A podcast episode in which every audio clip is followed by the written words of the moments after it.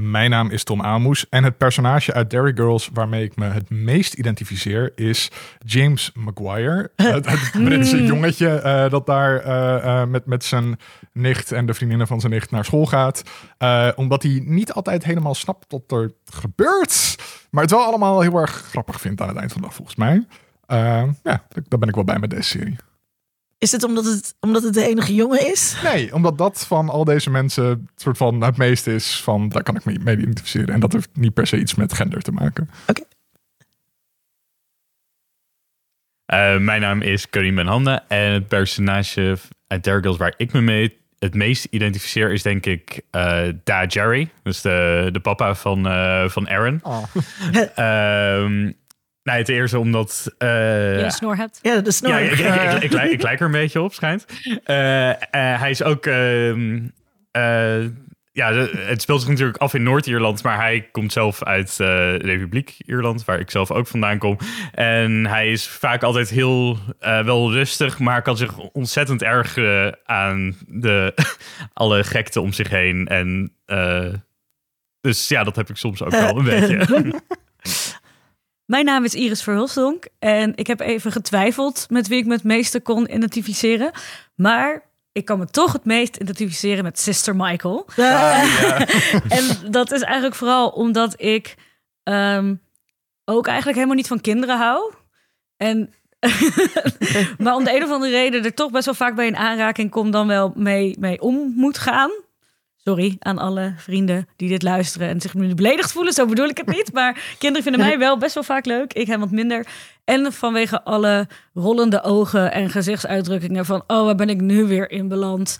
Ja, dat, eh, dat, dat sprak mij wel aan. Ze is zo heerlijk openlijk in haar afkeer van alles. Ja. Ja. Ja. En eh, ja, dat, dat, dat, dat voel ik. Ehm, mijn naam is Linda Duits en ik identificeer me het meest met eh Michelle. Eh, Ja, eh, troublemaker, slettenbak, eh, buitenbeentje, al die, al die dingen. Ja, nou, Ik heb eh, daar ook nog even over getwijfeld. En toen dacht ik, het is wel grappig dat je dan twijfelt tussen aan de ene kant Michelle en aan de andere kant Sister Michael. Maar toch werkt dat wel. ja. En ik wist meteen dat jij Michelle Mensen zou zijn. Ja, ja, ja. Ja, ik dacht ook even aan Michelle hoor. Maar dat is gewoon omdat ik heel graag motherfuckers zeg. Dus Willen we allemaal niet een Ja. klein beetje Michelle zijn? Denk het wel. Ja.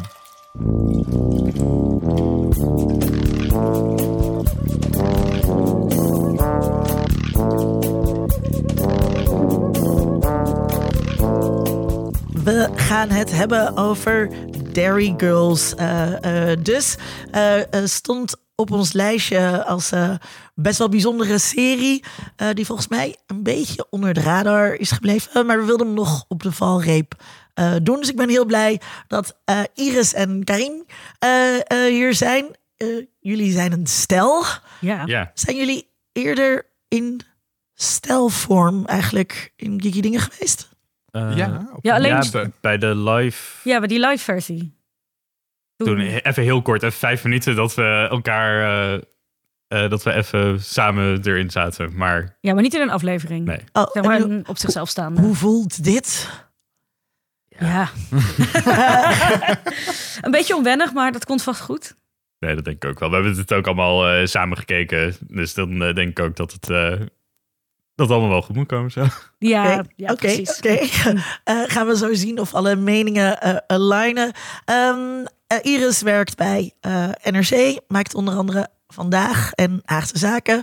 En Karim eh, zit in de wijn. Eh, en jullie hoorden hem onlangs nog in onze onvolprezen Muppet Show aflevering. Ehm, we gaan eerst terugblikken. Eh Karim, wil jij beginnen? Eh, ja, sure. Eh, even kijken, pak hem er even bij hoor. Eh, ja, ik had eh, gis- gisteravond heb ik eh, Hardcore Never Dies Oh, gekeken. die heb ik ook op mijn lijst staan. Ehm, dus dat is de nieuwe film van Jim Daihutu. Eh dus zijn vierde film volgens mij alweer. Ehm, en ja, het gaat over ja, de hardcore scene in Rotterdam mid, mid jaren negentig. Um, ja, wat zou ik erover zeggen? Ik vond het een hele, in ieder geval vi visueel en, uh, en qua audio vond ik het echt een hele sterke film. Dus de beelden die gebruikt werden, uh, ja, 90 decor. Oh. Uh, um, het, het gebruik van muziek, waardoor je ja, eh, de spanning altijd vond, vond ik in ieder geval dat de spanning wel vaak heel erg toenam. Maar ik vond het verhaal, ja, het verhaal is eigenlijk een beetje een soort van petty crime, eh, low-level drugscriminaliteit ehm, verhaaltje, wat in principe, eh, in principe niet super, inter- wat ik in ieder geval niet heel erg interessant vond. En ook de hoofdpersoon is een beetje standaard, zo van, oh ja, een hele getalenteerde jongen die dan eh, in, eh, ja, met het verkeerde groepje omgaat, in dit geval eh, met zijn broer, en daardoor een beetje afglijdt, maar eigenlijk super talentvol is. En, maar, nee, maar... Pianist is hij. ja, hij is, ja, hij is pianist. Dus dan... ehm, Dus ik kan ook echte muziek maken. Ja.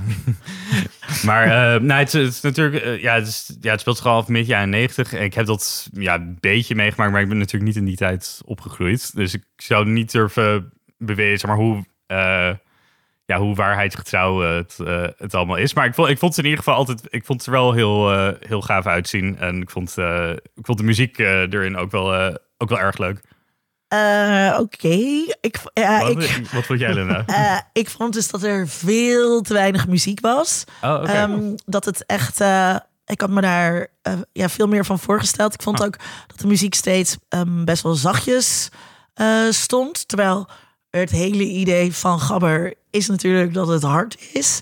Ehm, en het was me ook niet helemaal duidelijk wanneer het zich moest ehm, afspelen. Dus er zaten ook nog wel wat eh anachronismen ehm, in. Eh, dus ehm, eh, Red Bull is volgens mij in 1996 naar Nederland gekomen.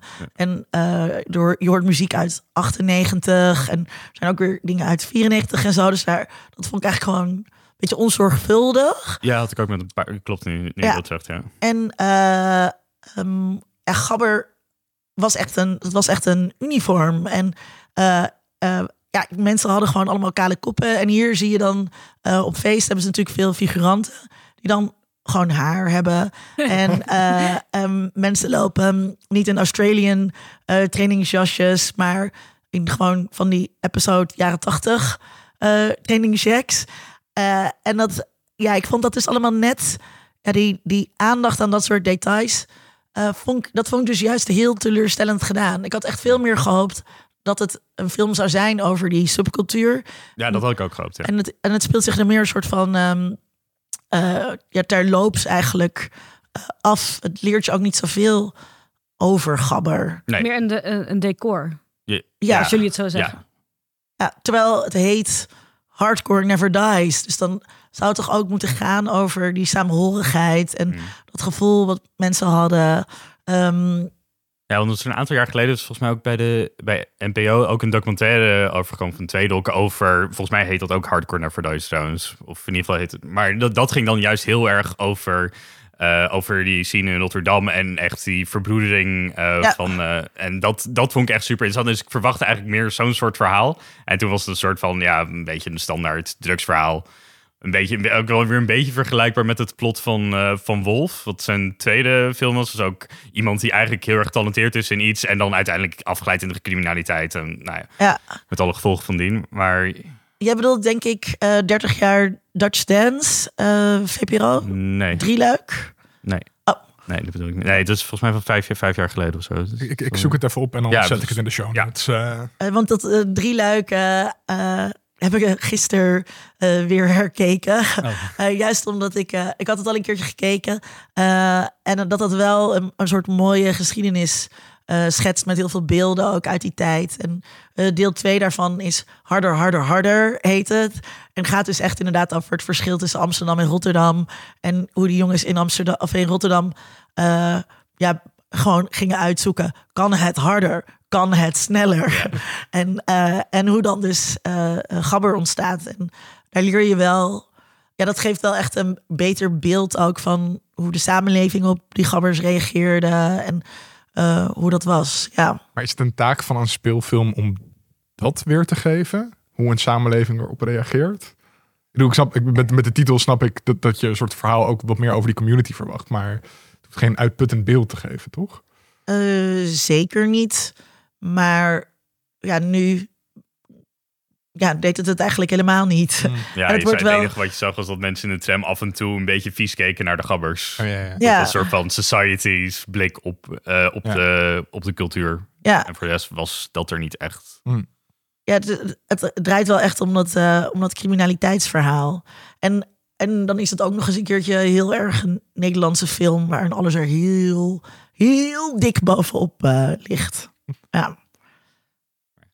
Eh, maar ik heb eh, ook nog iets anders gekeken. Ja. Eh, dat was ehm, het, het laatste seizoen eh, van Taskmaster. Oh, Wat, laatste? Nee, als in het Oh, het recentste, Eh, oké. Het, het latest. Ja, de latest eh, seizoen van Taskmaster. En eh, ja, voor mensen die niet weten, Taskmaster is een ehm, programma op eh, Channel 4. Wordt in Nederland op YouTube eh, allemaal geplaatst. Maar dat is waarin eh, vijf comedians, tien aflever- afleveringen lang allemaal opdrachten moeten uitvoeren ja, tegen elkaar en soms in teams. En het is, ehm, ja, het is eigenlijk ontzettend ja, random en willekeurig eh, wanneer je kijkt naar wat voor opdrachten ze moeten uitvoeren. Bijvoorbeeld een voorbeeld is van eh, laat een blok ijs zo snel mogelijk smelten. En Dat is echt mijn favoriete. ja. Ehm, en nou, ik moet zeggen, het, het is inmiddels zit wel weer op seizoen 15 volgens mij, of 14. Het zijn er al, alweer, alweer heel veel. Eh, maar ik vond het het meest recente se- seizoen, wat twee weken geleden eh, de laatste aflevering eh, waarvan was, eh, vond ik denk ik echt een van de aller, allerleukste tot nu toe. Het was een aantal jaar was het een beetje, was een beetje ingekookt, maar de cast die ze dan dit eh, bij het afgelopen seizoen hadden, was echt, echt om bij je vingers, echt om je vingers bij af te trekken. Dus ehm We hebben echt volgens mij echt ontzettend huilend van het lachen op het bank gezeten. Ja, echt me- meer, meerdere keren. Dus eh dat kan ik iedereen ontzettend aanraden. Dus, Hoe heet het? Taskmaster. Iris? Ik, eh, ja, het is iets wat heel veel mensen al wel hebben gezien, maar ik pas nu aan ben begonnen.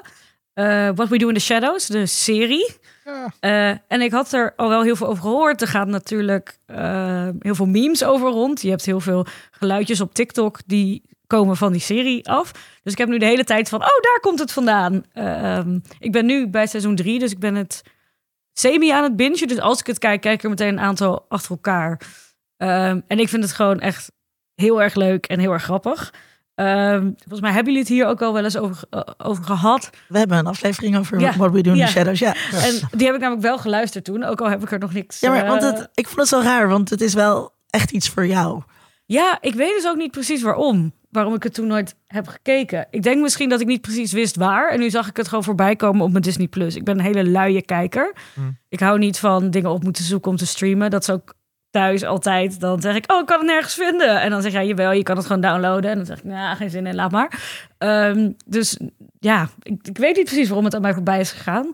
Maar nu ben ik er helemaal, eh, ben ik helemaal bij. En ik moet echt ook best wel vaak hardop lachen. Mm. Eh, ik vind dus het hele idee van de Energy Vampire vind ik zo subliem bedacht.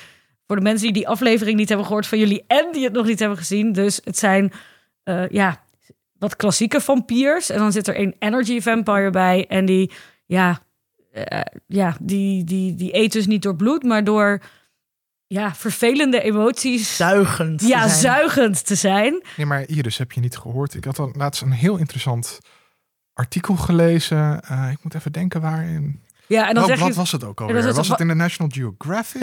of, Ja, persoonlijk vind ik dat de National Geographic de laatste tijd wat slechter is ge, Ja. g- gaan schrijven. Als je het vergelijkt natuurlijk onder hun vorige hoofdredacteur, nou ja, zo, dat Ja, soort dingen. Het is een beetje zoals eh, Uncle Calm in Ja, Dairy Girls. ja, Hij is eigenlijk ja. een energy eh, Hij zou een vampire. hele goede Ja. energy vampire zijn. En dan moet ik ook heel hard lachen. Laatst was een aflevering en dan zit hij ergens en dan ontmoet hij een jonge energy vampire. En dat is dan een jongen en die zegt, ja nee, ik ben nu helemaal into the wiet. En dan gaat hij, en dan gaat hij een heel verhaal houden over soorten wiet en wat dat dan met je doet en zo. En ik heb huisgenoten gehad. die Ja, precies. waren. Ik dacht, iedereen, iedereen weet wie deze guy is. Dus ja, dat vond ik echt... eh, ja, dus daar ben ik heel erg van aan het genieten. En een eh, tweede die we hebben gekeken, die hebben we samen gekeken. Eh, het is over The Garden Wall, ook wat ouder alweer.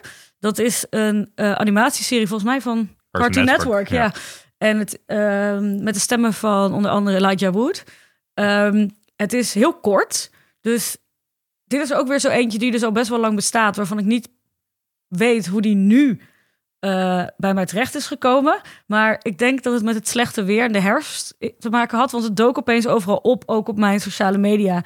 En een vriendin van mij, Elske, als je luistert, hallo, die had gezegd: ga dit, eh, ga dit kijken. Het is heel herfstig. Het gaat over twee ja, broertjes, zijn het volgens mij van elkaar. En die zijn dus over de Garden Wall gestapt. En die stappen in een soort eh, ja, fantasiewereld.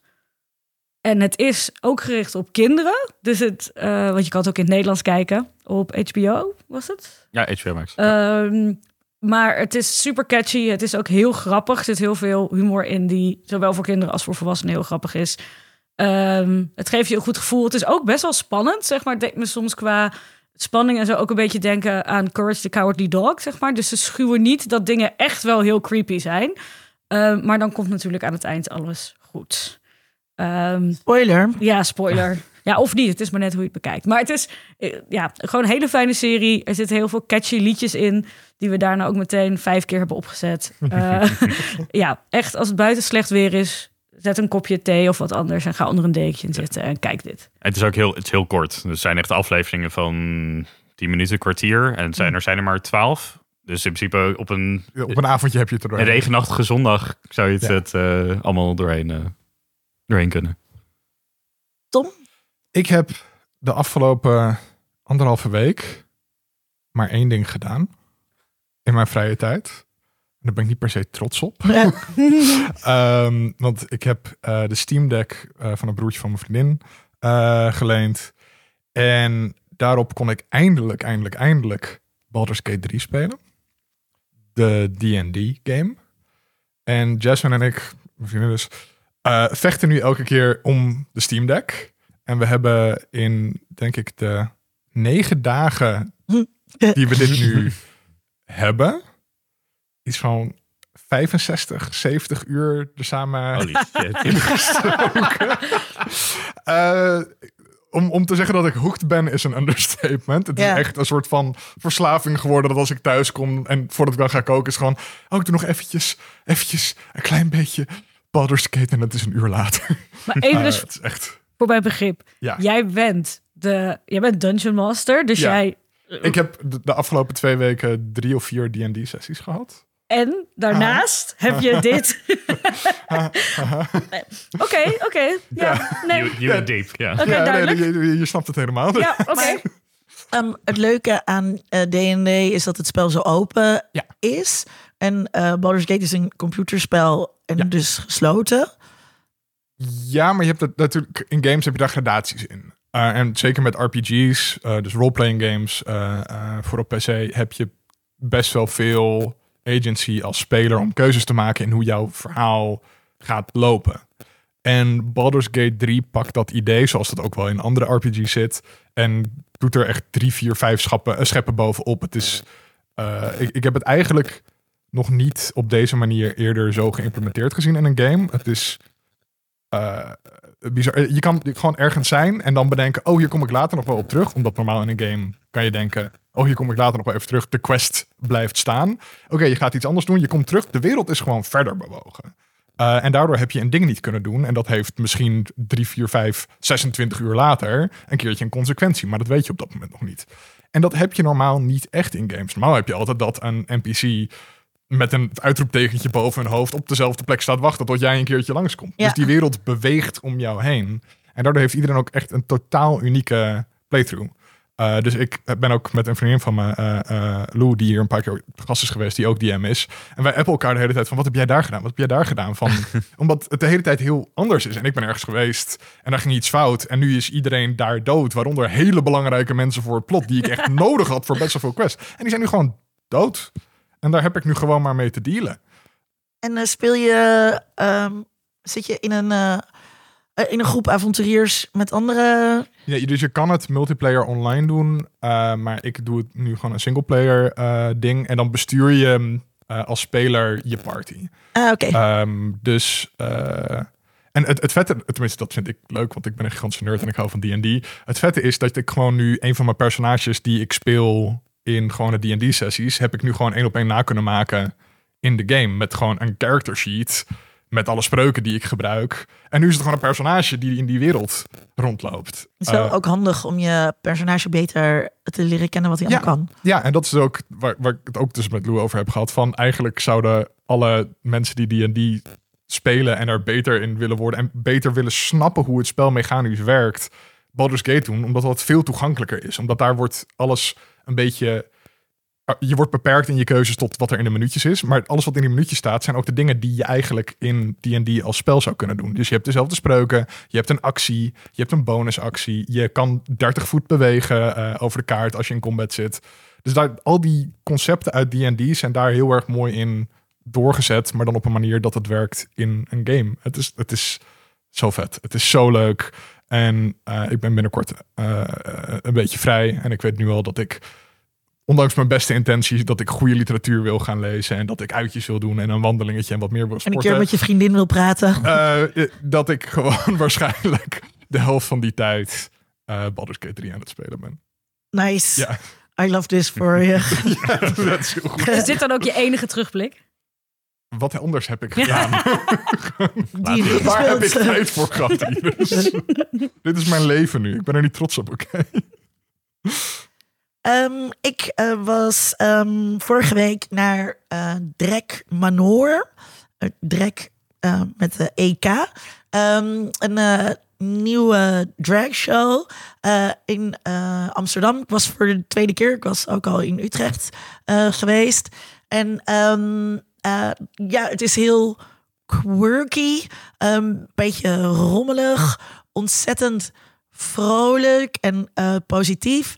En eh, wat ik er heel leuk aan vind, ehm, is dat het. eh, we, we- we, raken heel erg gewend aan een soort RuPaul drag queens allemaal. Die een heel bepaalde stijl hebben, bepaalde humor hebben. Wat ook heel erg soort van elkaar afzeiken is. Wat veel gebeurt ook in gay cultuur, maar wat gewoon eigenlijk heel kut is. Ehm, en Drag Manor breekt daar heel erg mee. Dus het gaat veel meer over plezier met elkaar hebben en alles met een knipoog. Eh, ze doen soms brunch-sessies. Eh, dus dat kan ik ook van harte aanbevelen. Ik was in Utrecht naar de brunch en hier naar het matinee. En daar was ook een luisteraar van Geeky Dingen. Dus die wil ik nog even de groetjes doen. Ehm, Hoi. eh, eh, dat, dat, dat dat ook dan heel leuk was om te horen. En ik denk wel... het is wel een soort meer geeky drag Leuk. eigenlijk. Ja, eh, warm aanbevolen. Drek Manor. Eh, en ik had dus ook eh, die film. Maar misschien als tweede ding. ik heb vandaag gekeken naar de Netflix comedy special van ehm Matt, Matt, ugh, Matt Rife. En ehm, eh, mijn hele TikTok bestaat eigenlijk alleen maar uit filmpjes van Matt Rife. Ik vind hem heel lekker. Eh, en eh, eh, hij doet heel veel interactie met het publiek. En dat, en doet hij gewoon heel erg leuk. Dus daar is hij heel groot mee geworden op TikTok. En dit is echt een show. En ja, dat is heel, klinkt heel fout of zo. Um, maar hij maakt dus best wel veel op een oké manier politiek incorrecte grappen. Um, dus hij schuwt eigenlijk niks daarbij. Uh, terwijl je weet dat het een oké gast is. Hmm. Um, ja, ik weet niet zo goed hoe ik dat moet uit, uh, uitleggen. Uh, ja, leuke grapjes. En je kijkt gewoon een uur naar hem. Dat gewoon, want volgens mij zijn er nu heel veel Amerikaanse comedians die echt een ontzettende hekel aan hem hebben. Omdat hij juist dan heel erg groot is geworden op TikTok de afgelopen jaren. En dat het een beetje een pretty boy is. En dat er volgens mij een beetje van die oude comedians. En dat, uh, dat, dat, dat, dat, moesten dat we niet goed kunnen hebben. keldertjes voor zure mannen optreden. Ja, precies. Terwijl hij heeft echt uh, twaalf jaar lang stand-up gedaan uh, en niet opgemerkt. En, uh, ja. en hij ging viraal met iets. Uh, en toen werd hij in één keer heel groot, wat hij zelf dus ook een soort van verbazingwekkend vindt. Ja, ja, ja ik, ik ken hem uh, nog van vroeger van uh, Wild and Out. Dat is dat programma op MTV van Nick Cannon, waar je een soort, wel een soort van hip-hop comedy show, waar je dan ook vaak ging freestylen en zo tegen elkaar. Dat, dat heeft hij volgens mij ook echt een aantal, aantal jaar geleden altijd ook, ook gedaan. Toen zag ik hem ook voor het eerst. Dacht ik ook altijd van dat wel, wel een grappige, grappige gast was. Maar leuk dat hij dan nu zo uh, nu uh, echt zo opgeblazen is. Dus, Ja, ja, en hij, hij flirt dus eh, altijd met, eh, eh, met het publiek en dan vooral met de oudere vrouwen. en, eh, ja, dus er zitten allemaal best wel leuke, verrassende dingen in. Eh, aanrader.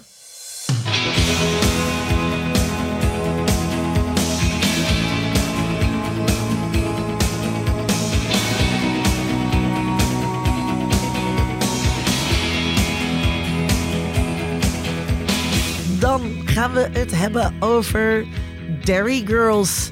Eh, geschreven, gecreëerd en geschreven door Lisa McGee. Ehm, eh, gebaseerd op haar eigen eh, leven. Ehm, 2018 op, eh, op eh, Channel 4.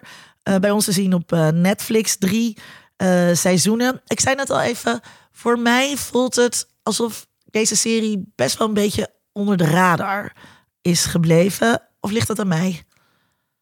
Ehm, ja, ik denk misschien in Nederland wel.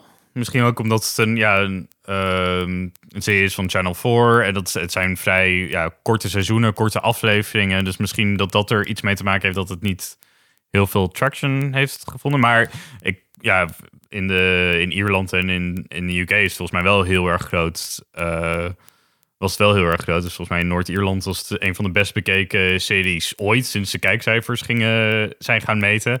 En ik weet ook van mijn, in mijn familie in Ierland. eh, dat zij dat ook echt toen wel echt aan de buis gekluisterd zaten. Dus ik kreeg het ook meer een beetje via, via hen mee. Zo heb je al gehoord over Derry Girls, die nieuwe Ierse serie.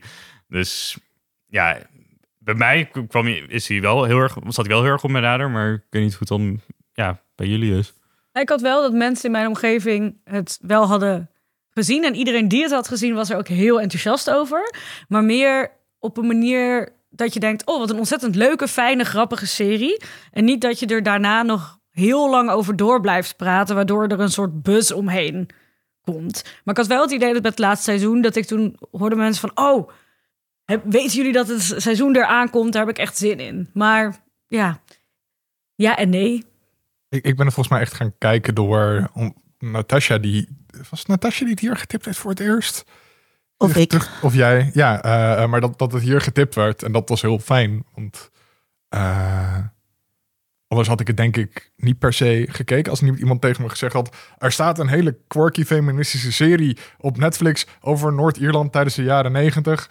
Dat, tenminste, dat had niemand zo op die manier tegen me gezegd. Maar had ik het waarschijnlijk niet per se direct gekeken. Hm. En omdat mensen... jij vrouwen, Tom? Uh, ik haat vrouwen. Uh, ik kom hier uit de kast als vrouwenhater. Nee, nee, maar gewoon meer van... uh, het is... Ik kijk de laatste tijd niet super veel series. Dus dan ben ik heel erg van... Oké, dan... Het, het- het moet, moet, ik heb wat nodig dat ik het ga kijken. Uh, maar iedereen hier was er heel erg lyrisch over. Dus toen ben ik er ook gewoon aan begonnen. Want ik dacht, nou ja... Dat zal het wel de moeite waard zijn. En Ja. dat was het. Het, het, het is fantastisch. Het is zo Denk, leuk. je, denk je dat het uitmaakt, Iris? Dat het eh, een wijvenserie is? Ehm, ik vind dat lastig om te, om te zeggen of dat heel erg uitmaakt voor de ontvangst. Maar ik kan me wel voorstellen dat er mensen zijn... oh, het gaat over eh, tieners. Het wordt wel allemaal gespeeld door dertigers. Maar goed, dat is Ja. natuurlijk geheel in de traditie van eh tiener-series. Beverly, High, Be- Beverly Hills 90210 was een spannende echte kroon eh, Ja. daarin. ja, Grease.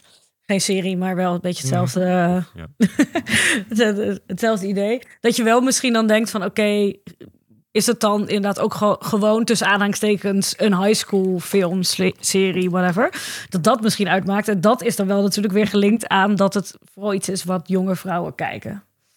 Ehm, maar ik moet zeggen dat ik ook toch best wel veel eh, jongens, mannen in mijn omgeving had die het ook heel erg konden waarderen. Dus ik vind dat bij deze serie dan weer lastig. Maar dat is ook omdat ik vond het qua stijl ook wel echt anders dan heel veel dingen Mhm. die, die ik heb gezien. Ook qua comedy.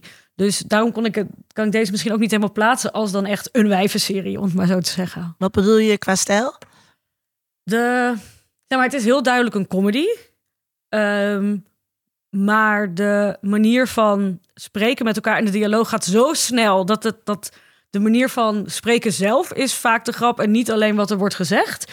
En ik denk zelf ook de.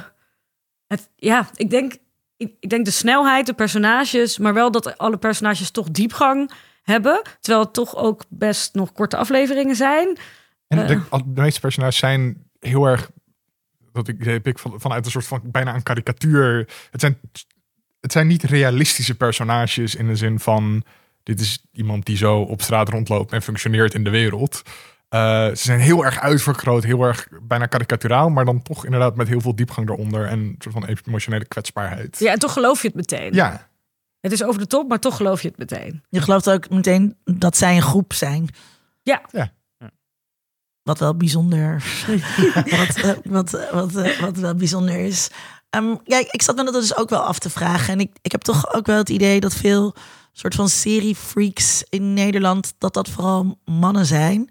En het blijft toch wel gewoon uh, een ding dat als de ervaring van meisjes centraal staat, ja, dat het dan niet interessant gevonden wordt. Of um, um, makkelijk terzijde geschoven kan worden. Terwijl het wel echt uh, het is ook wel echt een popcultuur uh, serie. Uh, het, het eert wel ook echt geeky cultuur bijvoorbeeld. Hebben jullie het samen gekeken? Ja. ja. Ja, we hebben het helemaal, helemaal samen gekeken. Ja, want, want, want we begonnen eraan en toen was het zo van, oh, even kijken. Toen hadden we één aflevering gezien en toen oh, volgens mij wel leuk, laten we verder kijken. En toen waren we daarna helemaal om. En we hebben alles, uh, ja, alles samen gekeken. En ook voor het herkijken hebben we ook weer samen gekeken. Ja. voordat we hier kwamen. Um, wat ik wel grappig vond, is dat wij niet altijd op dezelfde momenten lachten. Dus dat er wel echt andere momenten waren. Uh, heb je daar een voorbeeld van? Want waar, ja, dan moet ik dat natuurlijk heel concreet maken. Ja, ja, ja. Maar ik Maak weet, het beeldend. Nou, nee, ik had het idee, maar uh, correct me if I'm wrong, dat jij moest best wel vaak lachen als er bepaalde, volgens mij, culturele dingen in zaten die met Ierland te maken hadden, Ja. die ik dan niet helemaal opving. En ik had soms dingen van uh, de meisjes onderling waar ik dan echt heel hard om moest lachen, omdat ik dan dacht, ja, dat is precies hoe dit gaat. Het is precies hoe meisjes dan samen zijn. Uh, en ja, ik kon dus nou ja, jij ook, maar ik kon heel hard lachen altijd om alles van Sister Michael. Zeg maar elke zucht en elke, uh, ja, vond ik elke keer echt hardop lachen waard. Ja, ik denk een goed voorbeeld ervan, of in ieder geval van wat ik dan bijvoorbeeld heel erg vond, is de aflevering waarin de uh, jongens van de protestantse school dan, uh, dat ze dan die exchange hebben. Mm. En dat ze dan moeten gaan benoemen wat de overeenkomsten zijn tussen protestanten en katholieken. En dat ze eigenlijk alleen maar verschillen dan kunnen, kunnen noemen. Nou, dat zijn dan verschillen die dan worden genoemd, die ik dan wel eens van mijn tantes heb gehoord. Ja. Of van mijn oma back in the day. Van, oh, die protestanten, die... en dat waren dan momenten die ik dan heel erg grappig vond. als ja, gevoel van herkenning. maar ja, dan had jij dat waarschijnlijk meer met ja, met de meisjescultuur die erin belicht werd. Ja, en ik moest ook heel hard lachen om de vader en de opa, zeg maar dat de hele tijd. Oh, ja. Lof die twee zo. Ja, ja, Dat, dat vond ik echt heel erg grappig. Wat dan bij uitstek dan weer niet de meisjescultuur is. Maar goed, dat, uh, ik was net ook door gewoon de, de lijst met personages aan het kijken. En toen moest ik dus alweer lachen, omdat ik gewoon het gezicht van Aunt Sarah zag. Ik vond haar zo grappig met alles wat ze vraagt. En het is ook inderdaad, het is een karikatuur, maar toch hou je van haar of zo. Ja. En je kan je ook wel voorstellen dat je die ene tante hebt. Die een beetje wereldvreemd Ja. is, een beetje zweverig. Ja. ja, maar het ook allemaal wel goed bedoeld of zo. Dat ik dacht, ja, iedereen heeft die tante ook. Ja, uh, herkenbaarheid die daarin zit. Um, het uh, uh, is natuurlijk tegen de historische backdrop van um, Noord-Ierland in de jaren negentig. het tekenen van het vredesakkoord. Doet die achtergrond er eigenlijk toe? Ja, die geeft gigantische lading aan de denk ik, serie. ja. Ja, wat dan? Ik, ik denk, heb denk ik nog nooit een, een. Het zal er vast meer zijn, maar ik heb het nog nooit gezien van een, een, middelbare school drama comedy serie die tegen de achtergrond van een burgeroorlog uh, uh, zich afspeelt, maar ook laat zien hoe alledaags een conflict kan worden, hoe het alledaagse leven ook gewoon doorgaat naast het conflict, maar hoe onderdelen van het conflict ook alledaags gemaakt worden. Dus Ja. checkpoint, schietpartij. Ik bedoel, de openingsaflevering gaat volgens mij over dat er een bomaanslag is geweest bij een brug of zo, of bij een checkpoint. En dat ze dan zitten van, ah, dan moet ik een uur omrijden naar de supermarkt. Shit. Ja. Dat is de reactie van de mensen. Het, het, het, het, het, het alledaagse van die tragedie van die oorlog is, is heel bijzonder. Uh, En wordt de- Eh, zelfs al is het een bron van humor in de serie, wordt het heel smaakvol gedaan. De, dat ook dat de Engelse neef eh, super bang is met een militaire Ja. in de bus als hij dat voor het eerst heeft. Eh, en dat Michelle gewoon zit te geilen op die gasten. Ja. en eh, eh, ehm, ja, wat, wat, wat vind jij over die... Eh, nou, want ik, ik denk wat, waar het in de serie ook wel over gaat, is over eh, gedeeld trauma. Wat Hmm. iedereen heeft. En de unieke manier waarop zij allemaal eigenlijk de troubles hebben beleefd. Dus dat zie je bijvoorbeeld wat later in de serie, wanneer eh dan wordt verteld dat eh, de broer van Michelle, dat hij dan bij de, bij de IRA heeft gezeten en verantwoordelijk was voor, een, eh, voor de dood van een, van een aantal mensen. En hoe dat, eh, nou ja, hoe dat op een gegeven moment in die serie komt. En op andere momenten heb, heb je dat ook wel in- inderdaad, hoe alledaags het allemaal is. Dat je ziet dat ze er pijn van hebben. En op, vaak in de, in de finales van de, van de seizoenen, dan was er vaak wel eens een groot moment waarbij ze even stil stonden en even op adem moesten komen. Dat je zag dat de mensen eh, of de personages emotioneel werden. Dus dat vind ik ook wel een hele sterk punt van deze serie. Is dat dat. ehm, het is natuurlijk super lollig en silly, maar er zit wel echt een hele ja, mooie, diepe, ja, wel emotionele laag in. Ja, en ik denk dat je het ook heel erg naar voren haalt hoe mensen zich aanpassen aan een situatie waar je eigenlijk nooit aan zou moeten hoeven aanpassen. Ja. Maar het is gewoon zo. En daarom vind ik juist ook die kijk op de meisjescultuur eh, hier zo goed gedaan. Omdat ja, je zit in een burgeroorlog, maar eigenlijk heb jij daar niks mee te maken. Maar je hebt er alles mee te maken, want het is alles om je heen. Maar tegelijkertijd ben je aan het opgroeien. En wat is veel belangrijker dan die bommen? Dat zijn eh, eh, de jongens om je heen, of de meisjes, of eh, op- relatie met je ouders. de relatie met je ouders, precies. En hoe dat allemaal gaat. En, en dan opeens, dat vond ik ook inderdaad bij de laatste aflevering. eh, dan ben je 18 en ga je stemmen. En dan is het opeens, Mm. dan ben je opeens een soort burger geworden. Terwijl je daarvoor gewoon bezig was met opgroeien in je, ja, naar je vrouw zijn. Om het maar eventjes zo plat te slaan. Ik vond dat juist inderdaad heel mooi. Omdat ik denk, ik bedoel, ik ben gelukkig zelf niet in zo'n situatie geweest. Maar het voelde, het kwam mij heel realistisch voor. Dat het leven gaat gewoon door. Mm. Tegen de achtergrond van al die troubles. Ja, en eh, eh, ja, dus de, ik vind die, die eh universiteit, univer, univer, Zelen? Het universele eh, eh, van, die, van die meidencultuur en ook, eh, ik ben natuurlijk gepromoveerd op meisjescultuur en hoe dat ook een soort van best wel historisch stabiel is. Dus vanaf de jaren zeventig doen we onderzoek naar meisjescultuur. En het gaat gewoon altijd over, gaat gewoon altijd over dezelfde dingen. En dus ook, ja, ook als er een, een burgeroorlog gaande is.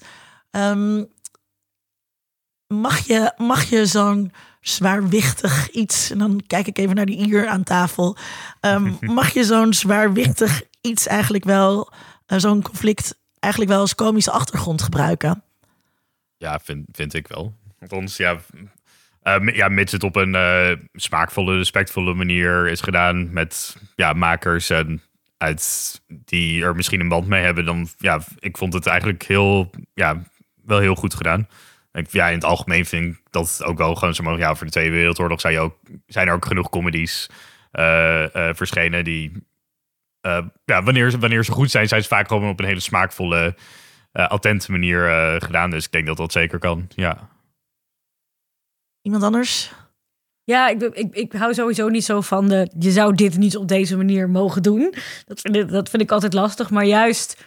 eh, ja, dan zeg dat ik vind het vaak bijna respectlozer... wanneer je zou zeggen dat je dus niet zoiets daarover zou mogen maken. Zeker ook eh, dus als het gaat over iemands eigen leven. Dan zeg je dus van ja, jij bent dan opgegroeid in die situatie... maar we gaan er geen lollig dingetje van maken. Dus jij mag niet jouw manier, jouw creativiteit hierin loslaten... en er op die manier een serie van maken...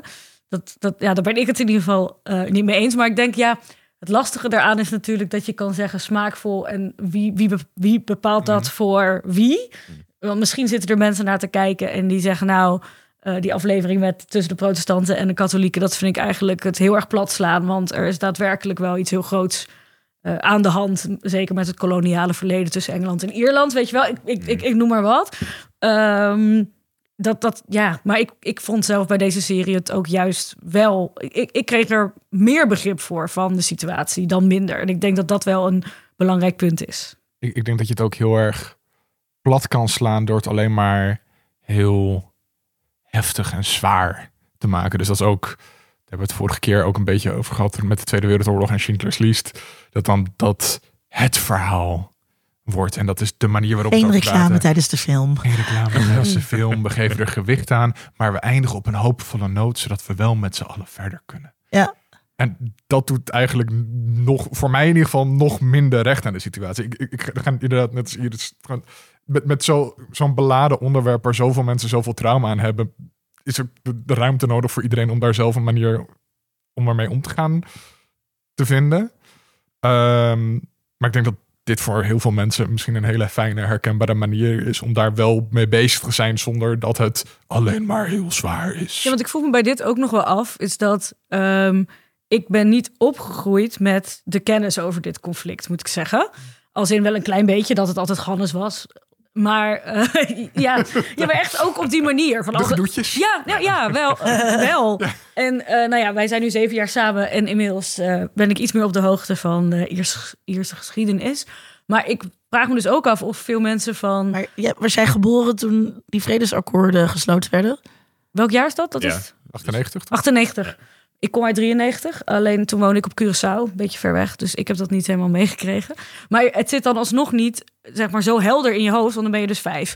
Ehm, en ik vraag, ja, dan ben je niet heel erg daarmee bezig. Dus ik denk, kan me ook voorstellen dat mensen van eh, mijn leeftijd of jonger die serie zien en daardoor juist in aanraking komen met dit verhaal. Of dit verhaal, de verschillende verhalen die er zijn. Ja. Eh, ik, ik weet niet. Ik, ja, ik was eh, eh, eh, toen gewoon uh, puber. Dus ik heb dat allemaal heel erg meegekregen. Ik was gewoon ongeveer hun leeftijd. Eh, toen. En ik vond het altijd heel beangstigend en, en benauwend. Dat er zo dichtbij Nederland een heftige burgeroorlog gaande was. En dat het dus. ja, ja, dat daar gewoon oorlog was. En dat het, en dat het op die manier opgroeien was. En eh, sowieso waren de jaren negentig natuurlijk best wel een tijd van hoop en het einde van de Koude Oorlog. Ehm, en eh, dus ook eh, toen, dat, toen die vredesakkoorden kwamen, dat, dat, dat kon ook niet anders of zo. dan, dat, dan dat dat ging gebeuren. Ehm, en het voelt nu soms voor mij wel ook een beetje alsof het ook een soort vergeten conflict is of zo. Mensen hebben het er niet meer zo over. Nou, het gaat natuurlijk wel bij Brexit erover, maar Ja. ehm, ze moesten daar natuurlijk ook met elkaar verder. Hoe, hoe kijkt een echte Ja. Ier daarnaar? Eh, nou ja, ik denk dat het inderdaad wel iets is van de vorige generaties. Dus ik heb wel een aantal familieleden die ehm, daar in de buurt ehm, wonen. Dus die in, of in Belfast hebben gewoond. Of ik heb ook wel eh, familieleden die eh, een tijdje in Derry hebben gewoond. Die dat ehm, ja, wel echt als heel traumatisch hebben ervaren. Ehm, maar als ik bijvoorbeeld nu kijk naar mijn... eh, ja, bijvoorbeeld mijn neefjes, neefjes en nichtjes die van mijn leeftijd zijn of jonger, die hebben misschien wel eigenlijk niet zo'n heel, heel veel met het conflict. Ja, obviously met Brexit ehm, ja, kwamen de Good Friday Agreements weer heel erg eh, onder, onder druk te staan. Dus op die manier eh, bleef ze het wel. Maar in hoeverre dat zij dat conflict nog echt met zich meedragen, dat valt volgens mij wel mee. Maar dat, eh, ik heb niet bij ze gecheckt, dus dat zijn misschien... En, eh, eh, want je zei net al even iets over protestanten versus katholieken. Hoe oud was jij eigenlijk toen de akkoorden werden getekend? Toen was ik zes. Oké, dus ook heel jong. Ja. Ehm, is, is dat nu nog steeds zo dat groepen zo tegen elkaar afgezet worden? Ehm, nou, ik denk dat het nu op zich wel meevalt. Maar ik denk tot echt wel tot een jaar of 10, 15 geleden of zo. Dan hoorde, eh, hoorde ik mijn tantes nog wel zeggen over eh, een familie die verderop in de staat van, oh ja, dat zijn van die protestanten. Dus zeg maar meer een beetje dat het. eh, ik denk dat die lichte vooroordelen er nog wel, nog wel, erg, nog wel erg leven. Maar om te zeggen dat er echt heel veel ja, strijd is. In ieder geval bij, eh, bij het grote deel van, van het Ierse volk. Ik denk dat dat wel meevalt. Dus ik denk, oh, bijvoorbeeld als ik kijk naar mijn neven, neven en nichten die, jaar nu, die in Ierland wonen, die gaan... eh, sommige van hen zijn ook naar gemengde scholen gegaan... waar katholieken en eh, protestanten dan samen, samen zijn. Ja. Ehm, dus het is allemaal wel wat minder. Ja. Het- is, eh, ik, ik ben katholiek opgevoed eh, en eh, mijn moeder is echt nog gewoon in de verzuiling eh, grootgebracht. Dus die ehm, zat niet alleen op een katholieke school, maar was ook een katholieke voetbalclub en er werd katholieke krant gelezen en zo. En die had er ook wel een handje van om stereotype dingen over protestanten te zeggen. En het is natuurlijk ook gewoon heel heftig of raar om te bedenken dat groepen ook zo makkelijk ehm, aan elkaar tegengesteld gemaakt kunnen worden. Natuurlijk ook in eh, voormalig Joegoslavië ook ongeveer dezelfde tijd is gebeurd. Eh, dat ook in één keer die taal heel erg uit elkaar ging lopen. En ehm, eh, dat er zit ook een soort van volksmennerij bijna achter of zo of in. En dan is het dus ook heel, heel gek eh, dat dat dan dus ook weer anders kan. Dat je ook gewoon oh, op een gemengde school en in één keer zijn protestanten ook leuke mensen. Ja, wat ik wel moet zeggen is dat je wel merkt bij, een, ja, wel- de, bij, bij de wat jongere Ieren is dat er wel een meer een ja, idee is van een Ierse nationaliteit. Ehm, of identiteit moet ik misschien eh, eerder zeggen. Want eh, ik ken bijvoorbeeld best wel veel mensen in Ierland die eh, de Ierse spelling van hun naam bijvoorbeeld hebben aangehouden in hun paspoorten. Of dat hebben veranderd juist. Ehm, in plaats van de, de Engelse vorm van eh, hun namen. Dus, en, dus dat men daar wel veel meer mee bezig is. En terwijl misschien in mijn moeders generatie dat dat eigenlijk wat echt wel een stuk minder was. Dus je ziet ook dat er wat meer opkomst is in het leren van de Ierse taal. Eh, dat dat nog wel heel erg populair is. Dus dat ze wel echt heel erg proberen vast te houden aan, aan hun Ierse identiteit. Maar dat dat misschien, maar dat het geloofsaspect daar, dat dat misschien iets meer los wordt gelaten. Seculariseert eh, Ja. Ierland hard. Eh, ja, best wel, ja. Ja, zeker. Ja, met, eh, ja, de, ja, onder millennials eh, is het aantal eh, ja, mensen die gelovig zijn wel heel erg aan het, aan het afnemen.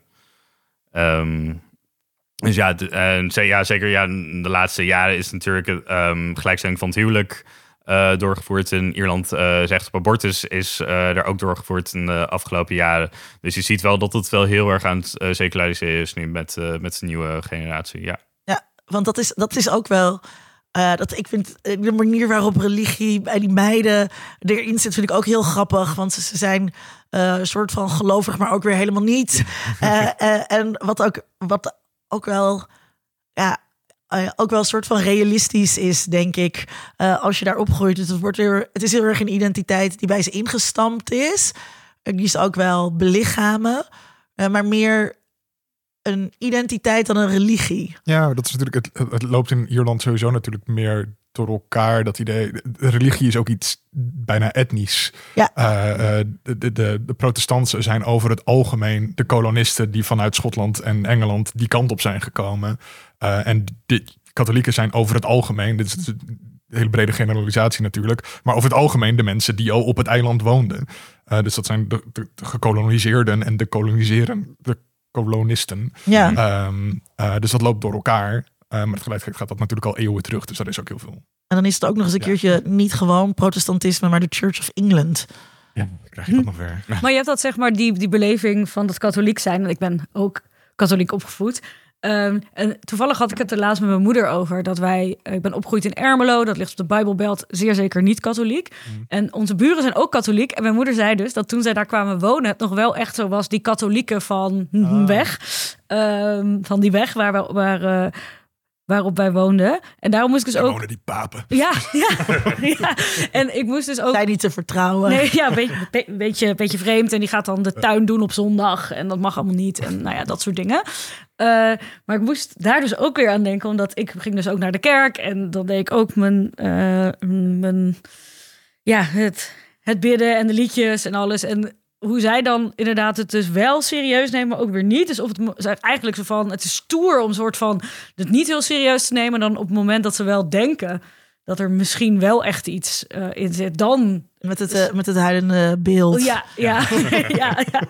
ja zou dat, die aflevering heb ik echt zo hard om gelachen. Dat is Omdat zo het, goed. eh, dus ik vond, wat jij net zei ook, van dat het is, denk ik, in die serie ook vooral echt een identiteit.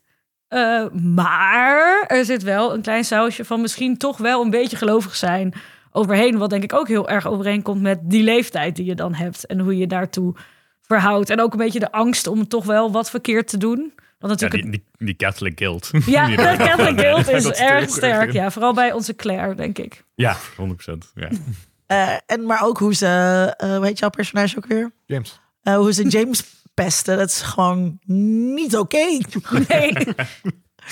Eh, eh, hoe zitten jullie in jullie eh, jaren negentig nostalgie? Hebben jullie, eh, was, dat, was het een soort ehm, feestje van... Nou, Muziek ik, ik denk en- dat wij, wij alle drie... Jij bent er 92? Ja. Wij zijn er 93. Dus dat is dan ook net... Ik heb bewust het staartje van de jaren 90 nog meegepakt.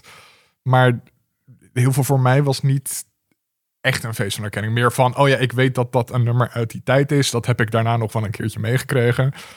Maar mijn jaren 90 nostalgie zou meer in Pokémon zitten of zo. Ja, Ja, nee, ik, ik had wel met, eh, met, ja, met, sommige, met sommige muziek eh, dat, er, dat erin zat. Zeker eh, muziek van Ierse bands zoals de Cranberries of The Course.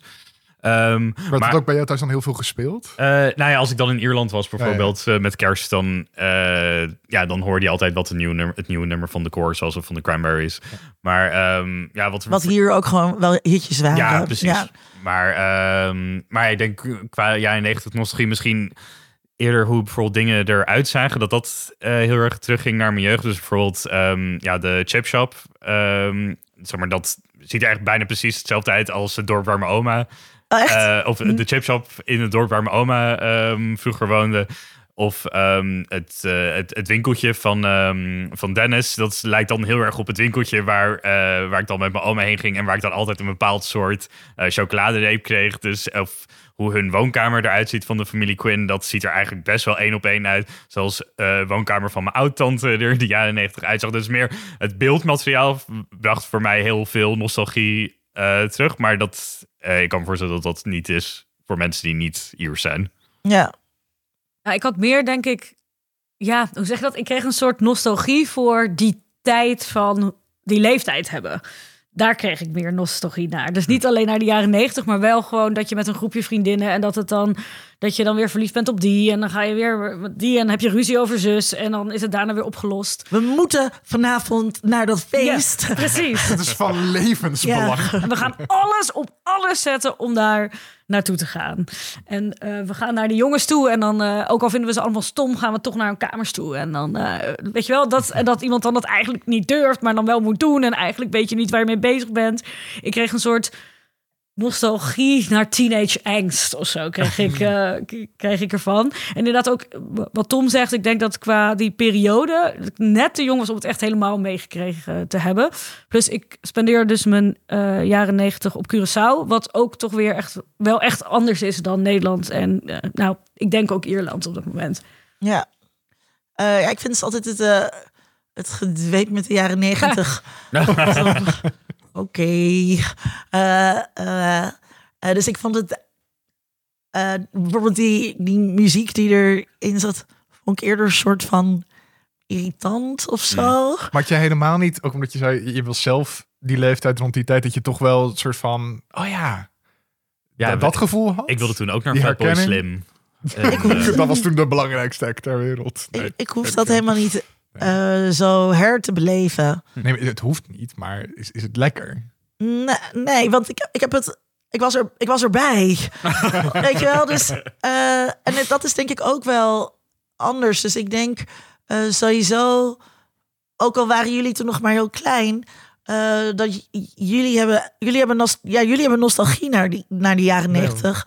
Of nou maar Ja, over het algemeen, Ja. jullie leeftijdsgroep heeft nostalgie eh, eh, eh, daarnaar. En gaat het only 90s kids will remember en zo. En, eh, ik had flippo's, ja. En eh, dat heb ik veel meer met de jaren tachtig, want daar was ik niet echt bij. Want toen was ik gewoon kind. Hmm. Eh, en dat, dat zijn veel meer dingen die ik niet helemaal echt heel duidelijk heb meegekregen. Mm.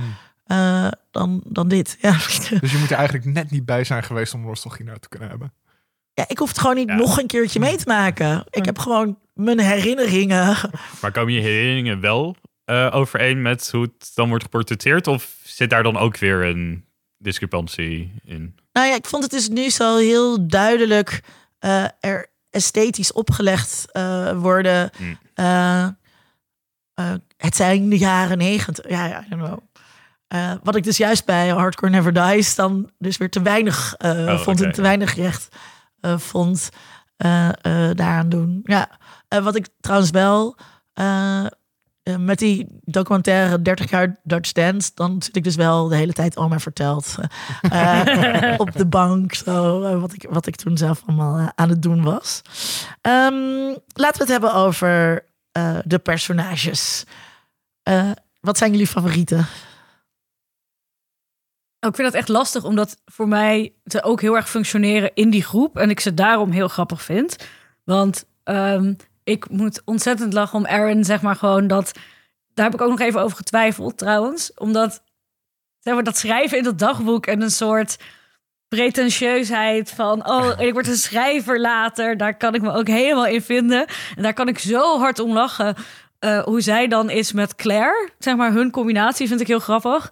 Beetje Ehm, neurotisch ook. ja, Ja. ja, ja, En dat, maar haar op zichzelf vind ik iets minder interessant. Dus het is echt vooral in combinatie met, met de anderen die ik heel leuk vind. Behalve Sister Michael, die is gewoon heel grappig. En is wel echt mijn favoriet, denk ik toch. Ja, ik heb, eh, nou, ik vind eh, Orle bijvoorbeeld. Ja, Oh ja. vind, ik echt, fantastisch. vind ik echt hilarisch. Maar eerder, ja, gewoon, gewoon zo goed geschreven, zo goed slapstick en een soort van een absurd karakter in het, eh, of een, me- een mega absurd karakter eh, in het. eh, in dat hele verhaal. Maar ik kon eigenlijk ook altijd wel heel erg ehm, genieten van, zeg maar, van, de, van de grote mensen. Dus, Ja. de, de, dus de moeder, vader, oom, opa en, eh, en tante. En ik denk, want ik, ja, ik zag hem bijvoorbeeld ook gewoon mijn eigen, eigen familieleden in terug. Dus eh, voor jou, de moeder van Aaron, dat is gewoon net mijn, eh, mijn Auntie Marie. En eh Aunt Sarah is gewoon net als mijn Auntie Joan. En Uncle Calm is net als mijn Uncle Kevin. Dat het ook een beetje een soort van die Ierse archetypes zijn, waarin iedereen altijd... of in ieder geval waar ik, waar ik heel veel herkenning in zag. En gewoon, inderdaad, wat Tom ook e- eerder zei van over, eh, over Sarah. Gewoon hoe ze bepa- bepaalde dingen zegt. Nou, zo praat mijn tante ook gewoon. Dus, eh, dus ik kon daar... eh, daar kon ik heel erg van, heel erg van genieten. En vond ik soort van de herkenbaarheid in de serie voor mij. Dat zat, daar, dat zat hem daar heel erg in. Hadden jullie eigenlijk, want ik zei net, ik vind ze allemaal geweldig. Hadden jullie personages die jullie niet leuk vonden? Eigenlijk is niemand een goed persoon in deze serie. Eh, ze zijn allemaal gewoon een beetje... Ja, het is gewoon geen goede mens. Ja, het is allemaal een beetje egoïstisch. ja, eigenlijk. ja, maar, ja, maar daarom ook wel weer heel menselijk of zo. Ja. Dus gewoon... Het zijn ook geen slechte mensen, Nee, toch? nee, nee. Ik vind het meer de mensen die je kent. Ja. ja, maar dat vind ik dus heel goed. Maar ze zijn dus allemaal wel een beetje kut. En ik zou niet per se vrienden met ze hoeven te zijn. maar ik vind het heerlijk om naar te kijken. Dus het is niet... Ja, je hoeft mensen niet per se aardig te vinden. Dus gewoon ook mensen die dan zeggen over series van... Oh, maar er was helemaal geen enkel sympathiek karakter in deze serie. Daarom kon ik het helemaal niet volgen. Dat, ja, dat hoeft toch niet? Maar ja, nee, wacht. De vraag was, wie was je favoriet? Ja, Eh, en dat was Uncle Con voor mij. Omdat ik, ik- het is elke keer dezelfde grap. Ja. Drie seizoenen lang. En ik ga elke keer stuk. Gewoon elke keer weer als hij ergens staat. In de laatste aflevering dat Jerry dan gewoon een breadstick geeft van... je mag alleen praten als je een breadstick hebt. ja, fantastisch. Zo, zo, zo grappig. Ehm, eh, ja, ik vond dus met Aaron ook inderdaad dat schrijven. En ik heb laatst eh, mijn eigen oude dagboeken herlezen. En daar staat dan ook in: word ik later een beroemd schrijverster? Eh, ehm, maar zij is gewoon, ik, ik- zij is wel echt irritant. En ik weet ook niet of het nou eh, typisch ehm, is voor een soort van eh, Britse, dare I say it, eh, of Ierse humor waarbij je dat soort karikaturale personages überhaupt hebt. Het is niet iets wat je bijvoorbeeld in Amerikaanse series snel ziet. Al moet ik zeggen, Never Have I Ever heeft ook een onaardige hoofdpersoon. Wat ik ook heel leuk It- vind. It's Always Sunny. Lijkt er dan misschien nog een beetje op. Ook allemaal hele uitvergrote typetjes. Ja, Ja, maar toch vind ik het wel. Ik bedoel, ja, je zegt, het is misschien een beetje irritant, niet helemaal sympathiek, maar het is niet. Je hebt, zeg maar, bij It's Always Sunny zijn ze Ja, gewoon oké. echt in It's. Always Sunny zijn het echt slechte Ja, mensen. precies. Maar ook zeg maar, dan is dat ook soort van de grap. En Ja, dat idee heb dat ik niet, niet. bij Derry Nee. Girls. Ik heb ook wel het idee eh, dat veel meisjes van die leeftijd ook echt gewoon niet zo heel leuk zijn. Nee. Jongens trouwens ook niet. Nee. Gewoon tieners. Nee. Gewoon, ja. Hoe zeg je dat? Of tenminste niet per se aardig. Dus ik vind een gedeelte van, van haar en vooral de gezichtsuitdrukkingen, die zijn natuurlijk heel dik erbovenop en heel, eh, wat karik... Dat, die- ja, ik- ja, dat was ook woord. verbaasd dat het net mijn mond uitkwam. Ja, maar- dat woord. Maar ik vind op zich de dingen die ze doen, dat eigenlijk niet. Hoe zij tegen haar moeder doet en wat ze opschrijft en hoe ze tegen de vrienden en de vrienden de hele tijd verbetert. En dat ze vindt dat ze het juiste moet doen, maar dat dan niet doet. Ik vind dat eigenlijk helemaal niet zo'n karikatuur. nee. Nee, dat is ook wel gewoon eh, hoe het is. En je bent heel erg met jezelf bezig. En alles is ook gewoon heel groot en dramatisch. Trouwens, heel grappig de aflevering eh, waarin ze dan naar Parijs willen. En eh, eh, eh, eh, meisje zegt dat ze dat uit haar trust, fund haalt. En dat ze dan allemaal thuis gaan vragen hoe dat met dat trust fund. Ja, nee, tuurlijk heb je een trust fund. Ja, nee, ik ga het nu daar. Ja, ja, wel maar gewoon met de bank. Ja. Ehm, eh, het zijn dus een beetje soort typetjes. Zien jullie ook karakterontwikkeling?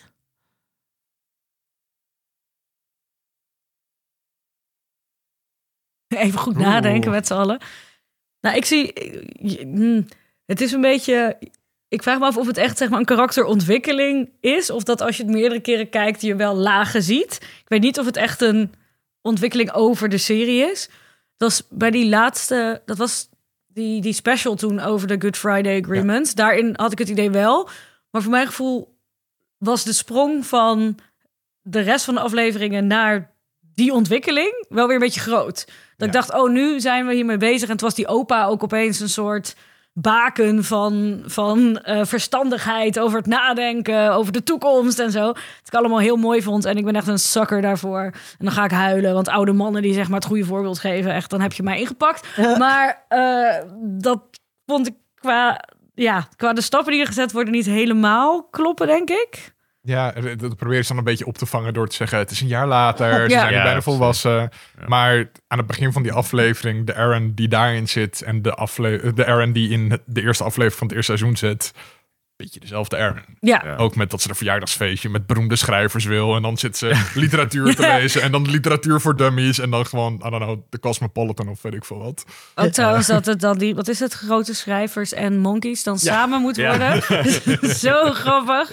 en ook zoiets wat dan inderdaad van, nou dan doen jullie het maar gewoon samen. Oh, oké. Ja, heel grappig. Ja.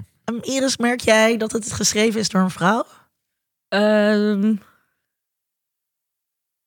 ja, in zoverre dat ik heb best wel vaak als ik series kijk en ik denk, eh, bij vrouwelijke personages, dan is het vaak geschreven door een man.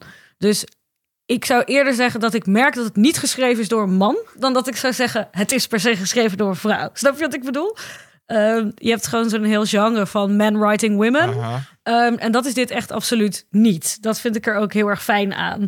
Ehm, en we hebben het dan over karakterontwikkelingen, ja of nee. En ik vind het dus bijzonder dat als ik het, zit ik nu even hard op te denken, dat je hebt niet daadwerkelijk een hele duidelijke karakterontwikkeling wat mij betreft, maar het is wel allemaal heel gelaagd en het zijn allemaal mensen, vrouwen met verschillende karakters in zich, zonder dat ze zeg maar de Manic Pixie Dream Girl zijn, bijvoorbeeld. Ehm, dus in zoverre zou ik zeggen van wel. Dat Ja. je het merkt. Eh, het is wel geleefde meisjeservaring. Eh, eh, en ik vind bijvoorbeeld de manier ehm, waarop eh, vriendschap verbeeld wordt wel feministisch. In de zin, dus er zit bijvoorbeeld ehm, een hele toffe Carrie-scène Ja. in. Eh, en ik eh, laat eh, Carrie wel eens zien als ik gastcollege geef bij de Filmacademie. als ik het dan namelijk over high school films en gender geef ik gastcollege. En ehm, eh, in de oorspronkelijke Carrie bloedscène gaat het natuurlijk over... Carrie is een soort van erin geluist met een weddenschap. Ehm, en dan krijgt Carrie bloed heen en iedereen wijst naar haar en lacht naar haar. Ehm, en zij moet dat lot heel eenzaam ondergaan. En eh, de Derry Girls Carrie scène eh, eh, gaat echt een soort van is een soort van sisterhood is powerful. Dus eh, ze zien wat er gaat gebeuren, wat er gaat gebeuren en uiteindelijk krijgen ze met z'n allen dat bloed over zich heen. Dus dat laat ik dan ook zien aan die uh, studentenfilmacademie om dus wel te laten zien. ik denk wel echt dat dat een verschil is in hoe ja dat dat een vrouw dat heeft geschreven in plaats van eh, eh, en geregisseerd dan eh, Roman Polanski. Sowieso. Ja. Eh, Carrie, de openingsscène. eh is echt een ehm, schoolvoorbeeld van een male gaze die eh, in de kleedkamer Oh, ja, heel ja. lang blijft hangen. Ja. Op, Ehm, op de tienermeisjes die zich daar aan het omkleden zijn. Ja. Allemaal met blote boobies. En eh, dan zie je Carrie dus in de douche. Eh, en eh, eh, die zeept een seconde of twaalf lang haar borsten in. Ja, die zijn wel schoon hoor.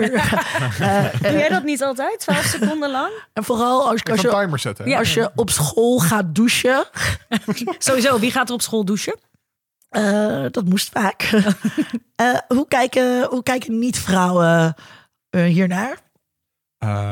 Ik vind het moeilijk om hierop aangesproken te worden. Dat, dat mijn gender hier ineens eh, onderwerp van discriminatie.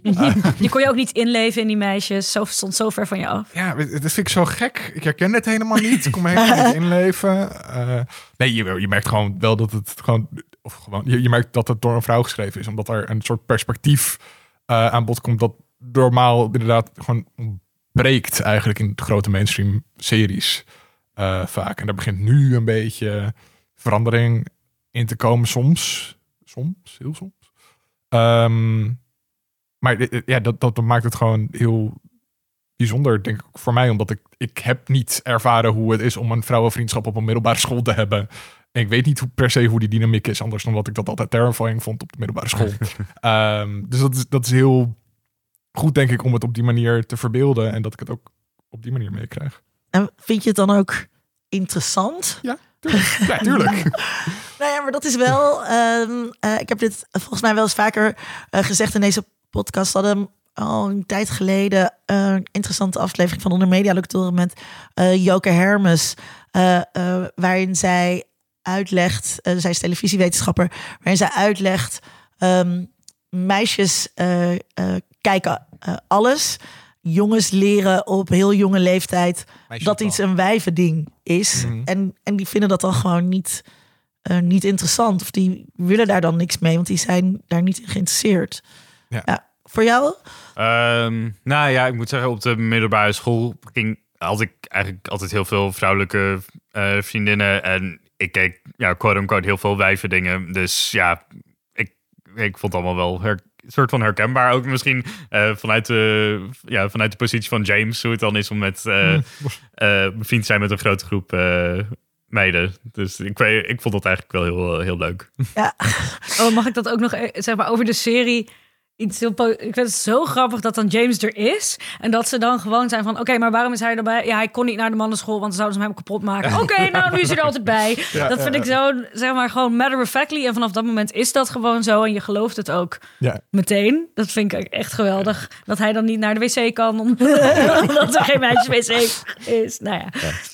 Ook wat ik leuk vind aan het personage van James is dat er eigenlijk nooit wordt geprobeerd om een soort van eh, iets van een Engels relativisme te creëren. Van, oh ja, Engelsen zijn eigenlijk ook wel goed. Nee, ze zijn gewoon de butt of the joke. Fuck de Engelsen. Ja. Eh, Die zijn gewoon kut. ja. hij is eigenlijk helemaal niet laagd.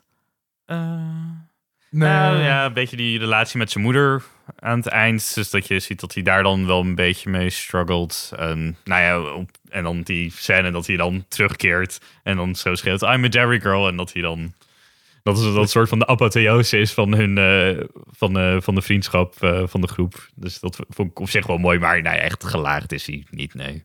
Ik vond die relatie met Michel. Ik had wel daarbij op een gegeven moment, omdat inderdaad hij is altijd de butt of the joke. En op een gegeven moment dacht ik wel van, kunnen we niet iets van vriendelijkheid af en toe Shut wel? up, James. ja, precies. Dus ik vond het dan wel, het deed me dan wel weer ik, wat dat, op, dat, dat Michel dan eigenlijk gewoon heel boos is dat hij weggaat, omdat ze dat, omdat ze dat dus niet wil, omdat ze om hem geeft. Dat vond ik zelf wel ook heel mooi Ja. weer gedaan van iemand die eigenlijk niet weet hoe je met dat soort emoties om moet gaan. Eh, en dan maar gewoon heel boos wordt en nog kutter gaat doen. En dat je dan maar gewoon een beetje schoorvoetend gaat Ja. toegeven van... nou, gewoon omdat ik niet wil dat je gaat, verdomme, zeg maar dat. Kut jongen. Ja, Wat vonden jullie eigenlijk van eh, dan aan het eind dat ze een soort van nog een love interest pro er proberen in te gooien tussen Aaron en, eh, en James? Het wordt dan toch ook heel halfhartig Ja. gedaan, toch? Ik bedoel, ik heb die laatste aflevering nog even herkeken eh, vanavond. En daarin zit het ook van, dat ik echt zo van, hebben ze nou iets? Of wat, nu Ja. een jaar later? Of wat, wat is het nou precies? Ja. Ja, ja, misschien is dat ook gewoon wel heel tienerachtig. Dat je Ja. misschien iemand even twee weken leuk vindt, even tongt op een feestje en dat het daarna ook weer gewoon voorbij is. Ja. En voor de rest niet heel veel uitmaakt. ik Maar- ben altijd niet zo'n voorstander ervan. Iris, ik wou net zeggen, dit is een stokpaardje van Iris. ja, Stokvaartje van mij, eh, voor de mensen die dat niet weten... dat er heel vaak relaties in series en films worden geschreven die niet nodig zijn. Maar, ik zal hier even zeggen... Otis en Maeve in Sex Education. Ehm, ja, maar daarna ook weer Otis weer met iemand anders. En dan gewoon, nou ja, het, het komt gewoon heel erg, heel erg vaak voor. Bij Sex Education was toen ook nog het probleem, of probleem, maar dat bijna iedereen dan pan en biseksueel is. Dus op een gegeven moment is alles een love interest in plaats van eh, vriendschap. En ehm, ik wil graag een lans breken voor vriendschap, want dat is echt eh, eh, ook heel erg belangrijk, al dan niet belangrijker in het leven. Dat wil ik even gezegd hebben. Maar ik vind er hier wel iets logisch in zitten. Ook weer als je even kijkt naar de situatie, dat wanneer je een groep met meisjes hebt en er is een jongen, vind ik het ook weer niet zo gek dat daar dan op een gegeven moment iets tussen gebeurt. Ehm, of dat dan een langdurige liefdesrelatie eh, is, ja. Of gewoon een keertje tong Of gewoon een keertje tong op een feestje, maar dat vind ik niet iets vreemds. Nee. En ik vond het zelf ergens wel iets hebben dat ze die aflevering, dat zij dan eh, wordt gedumpt voor de prom. En dat hij haar dan toch meeneemt. Dan gaan ze uiteindelijk met z'n allen volgens mij. Maar dan, hij, hij staat er dan wel bij die deur. Ik vond dat ook weer van, ja, dan is een jongen bevriend met je... en die weet dat jij dan alleen thuis zit en dan ga je toch samen. Dat, dat zit een beetje in tussen vriendschap en iets anders. Dus dat, ja, eh, hoewel iedereen zou denken dat ik hier heel erg tegen zou zijn... was ik dus een beetje van, hm, I'll Allow it. Ja. Nou ja, ik denk dus juist als eh, iemand altijd het pispaaltje van de groep is geweest, dat het heel moeilijk is om die persoon dan in één keer als aantrekkelijk eh, te gaan zien. ja, Maar misschien zegt dat gewoon iets over mijn eigen arrogantie eh, eh, als, als puber. Ja, ik weet niet. Het is misschien ook met, met Aaron of zo, want zij zijn wel al vanaf het begin. ik bedoel, zij zegt wel heel vaak ook shut up James, maar dat is niet, niet zoals de anderen dat doen. Dus volgens mij hebben ze wel vanaf het begin zoiets van, oh, ze kunnen iets meer met elkaar levelen of zo. Ja, al- en zij heeft ook wel iets van eh, dat ze makkelijk op iedereen is. Ook dat. Ja. Eh, eh, is dit een serie die gaat blijven hangen?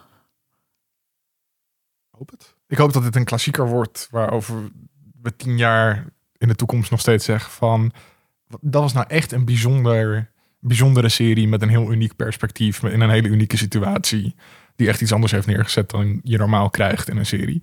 Ja. Dat, dat is wat het is. Het is ja, heel vet en bijzonder. Ja, ik, ik denk hetzelfde, want er is gewoon niet zo heel veel wat erop lijkt. En dus dat is goed. Buffy. Eh, ja. Ja, nee, ja, sure. Maar ja, Buffy zou ook blijven hangen. Eh, ja, Toch maar wel? eh, ook wel echt als een soort cultklassieker. Eh, ja, wat denk jij? Ik denk, mm, ik weet niet of het, of het echt zo zou zijn dat het bij iedereen blijft hangen. Maar wat ik eh, wel vind, is dat ze het heel mooi hebben afgerond. En geen gekke dingen ermee zijn gaan doen aan het eind. Hoewel ik het laatste seizoen wel echt een stuk minder vond dan die daarvoor, moet ik wel zeggen. Maar het was gewoon als pakketje is het gewoon heel lekker. En je kan er elke keer naartoe terugkeren. En dat zou weer impliceren dat je er wel telkens naartoe terug kan. Dus dat het wel blijft hangen.